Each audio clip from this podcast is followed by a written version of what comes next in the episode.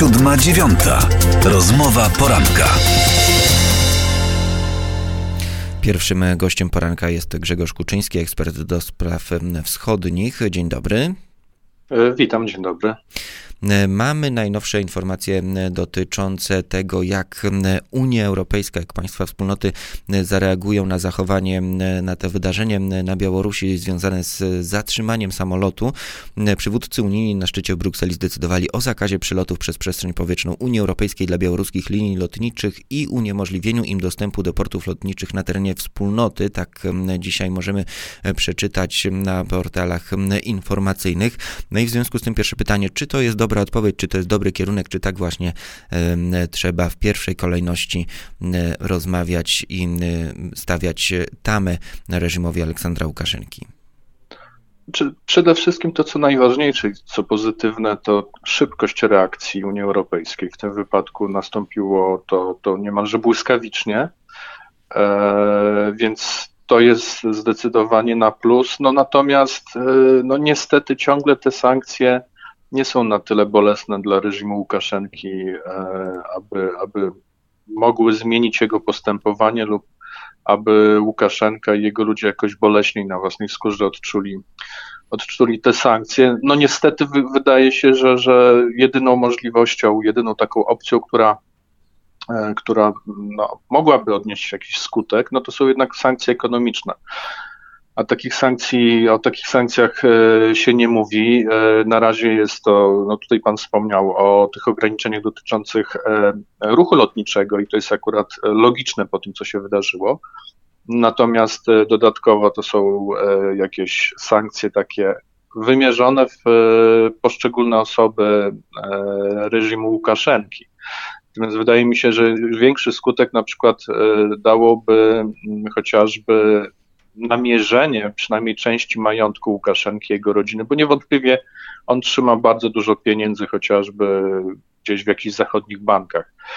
I wówczas uderzenie po kieszeni samego dyktatora i jego rodziny mogłoby przynieść jakiś większy skutek niż na przykład e, wprowadzenie zakazu wjazdu do Unii Europejskiej um, urzędników wyższego czy, czy, niższe, czy średniego szczebla, e, chociażby ze struktur siłowych czy z KGB.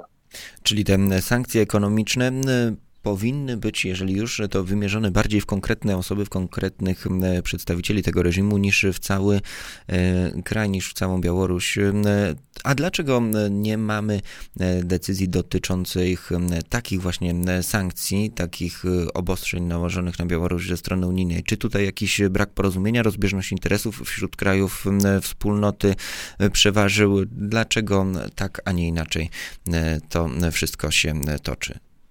Tutaj w przypadku Białorusi jednak widać spore rozbieżności w, w gronie członków Unii Europejskiej. Przypomnę, że chociażby teraz ten pakiet sankcji takich personalnych uderzających w nomenklaturę łukaszenkowską, no on do tej pory y, nie wszedł w życie właśnie ze względu na nawet od niektórych y, państw członkowskich. Y, I, I tutaj widać, że no nie wszystkim krajom Unii Europejskiej zależy na zaostrzaniu polityki sankcyjnej wobec Białorusi. to jest troszkę taka pochodna też e, postawy tych krajów wobec, wobec Rosji, bo, bo, bo w coraz większym stopniu chyba powinniśmy e, Białoruś e, w sensie reżimu, Łukasze, Łukaszenki postrzegać jako takie przedłużenie reżimu Władimira Putina. Więc mówię, na pewno jednak tutaj na plus trzeba powiedzieć, że, że udało się jednomyślnie i szybko te, te najnowsze sankcje wprowadzić, chociaż one e, no, są jeszcze za mało skuteczne, żeby wpłynąć na, na, na działania e, Łukaszenki. Obawiam się, że ta obóz polityczny w Unii Europejskiej, który jednak wolałby się dogadywać E, z Rosją e, może być coraz silniejszy. No a tutaj e, postawa wobec Białorusi jest, jest w dużym stopniu pochodną właśnie polityki wobec Rosji, no bo doskonale sobie politycy zdają sprawę, przywódcy zdają sobie sprawę, że tutaj uderzanie, uderzenie w Białoruś mogłoby być źle odebrane przez, przez Władimira Putina chociażby. No właśnie, mówimy o Rosji, to zatrzymajmy się przy tym kraju przez chwilę.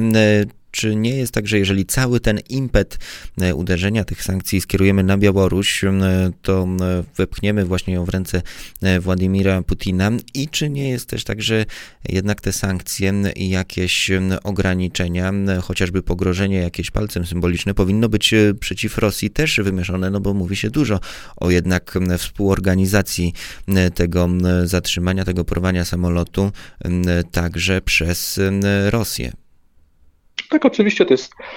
E, jest tak naprawdę teraz bardzo bliskim sojusznikiem Putina, właśnie, właściwie nawet nie sojusznikiem, a już raczej coraz bardziej takim ale niewątpliwie tutaj e, powinny być też zdecydowane działania wobec Rosji, także w kontekście białoruskim, no ale no niestety sygnały idące z zachodu są zupełnie inne, bo przypomnę, że kilka dni wcześniej amerykańska decyzja podjęła taką, a nie inną decyzję w sprawie Nord Stream 2 de facto umożliwiając dalszą budowę e, tego gazociągu, a z kolei Bidenowi też bardzo zależy na tym, żeby się w czerwcu spotkać z Władimirem Putinem, więc tutaj obawiam się, że nie będzie żadnych zdecydowanych działań wobec Rosji, przynajmniej do spotkania Joe Bidena z Władimirem Putinem. Natomiast jeszcze wracając do pierwszego pańskiego pytania, czy, czy jakieś zbyt surowe sankcje nałożone na Białoruś wepchną ten kraj w objęcia Rosji, no to, y, to ja muszę przypomnieć, że y, nawet nie było tych sankcji, a ta Białoruś od y,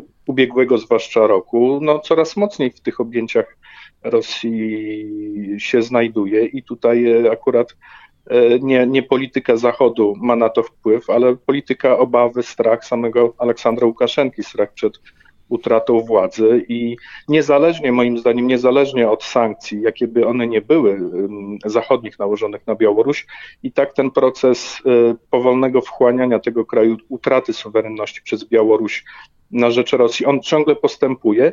I tutaj Białoruś, jej niepodległość jest ofiarą po prostu osobistych ambicji E, Aleksandra Łukaszenki. Mówimy o reakcji unijnej, o tej reakcji w szerszej wspólnoty międzynarodowej, a jak Polska, jak nasz rząd powinien w tej sytuacji, w tych okolicznościach reagować? Znaczy to już e, pierwsze reakcje były jak najbardziej słuszne, idące w dobrym kierunku. Przypomnę, że premier Morawiecki e, od razu tutaj zwrócił się o wprowadzenie na agendę spotkania szczytu Rady Europejskiej właśnie tematu y, Białorusi. I moim zdaniem ta polityka polska wobec wydarzeń na Białorusi, wobec tego, co robi Łukaszenka, no, jest, wydaje się, że jest wyważona i, i, tutaj też trudno jakiś daleko idący radykalizm ze strony Warszawy, chociażby z tego powodu, że powinniśmy pamiętać, iż y, no, Łukaszenka ma zakładników e, we własnym kraju, mam na myśli e, polską mniejszość e, na Białorusi. I jego represje chociażby wobec działaczy Związku Polaków na Białorusi no, pokazują, że, że w przypadku jakichś bardziej radykalnych działań polskiej dyplomacji, no tutaj Łukaszenka może po prostu dopuścić się jeszcze większego odwetu na, na właśnie Polakach mieszkających w tym kraju. I wydaje mi się, że polskie władze też, też biorą to pod uwagę, nawet będąc bardzo aktywnymi w kwestii Białorusi, e, no, też zdają sobie sprawę z tego, że, że tutaj e, niestety są ci tak jakby zakładnicy na, na, na terenie państwa rządzonego przez Łukaszenkę. Na koniec zmieńmy na chwilę front, zmieńmy na chwilę miejsce.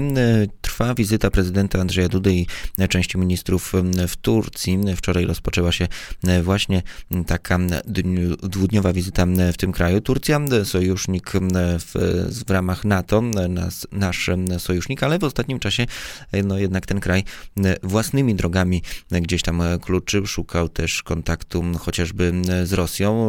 Jak możemy tę wizytę polskich władz w tym kraju odbierać i czy ona e, tutaj przyniesie jakieś zmiany, przyniesie jakieś nowe szanse na e, kreowanie, kształtowanie i wpływ na politykę w tym regionie? Tutaj niewątpliwie no te, im, im, lepsze będą te relacje właśnie z Turcją, no tym, tym też mocniejsza pozycja e, Polski, czy mocniejsza pozycja nawet wschodniej flanki NATO, bo biorąc pod uwagę nawet te poważne różnice, jakie są pomiędzy Turcją Erdogana, a, a resztą sojuszu, a Stanami Zjednoczonymi, a Unią Europejską, jeśli nawet weźmiemy pod uwagę to zbliżenie turecko-rosyjskie w ostatnich latach, no to tak jak pan tutaj słusznie zauważył, to, jest, to wygląda w ten sposób, że Erdogan no, kroczy swoimi ścieżkami. To nie jest tak, że nagle stał się sprzymierzeńcem Putina, po prostu jeśli zbliżył się w jakimś stopniu do Moskwy, to tylko dlatego, że uznał, że można tutaj zrealizować jakieś swoje interesy. A mimo wszystko Turcja jednak jest naszym sojusznikiem w NATO ciągle.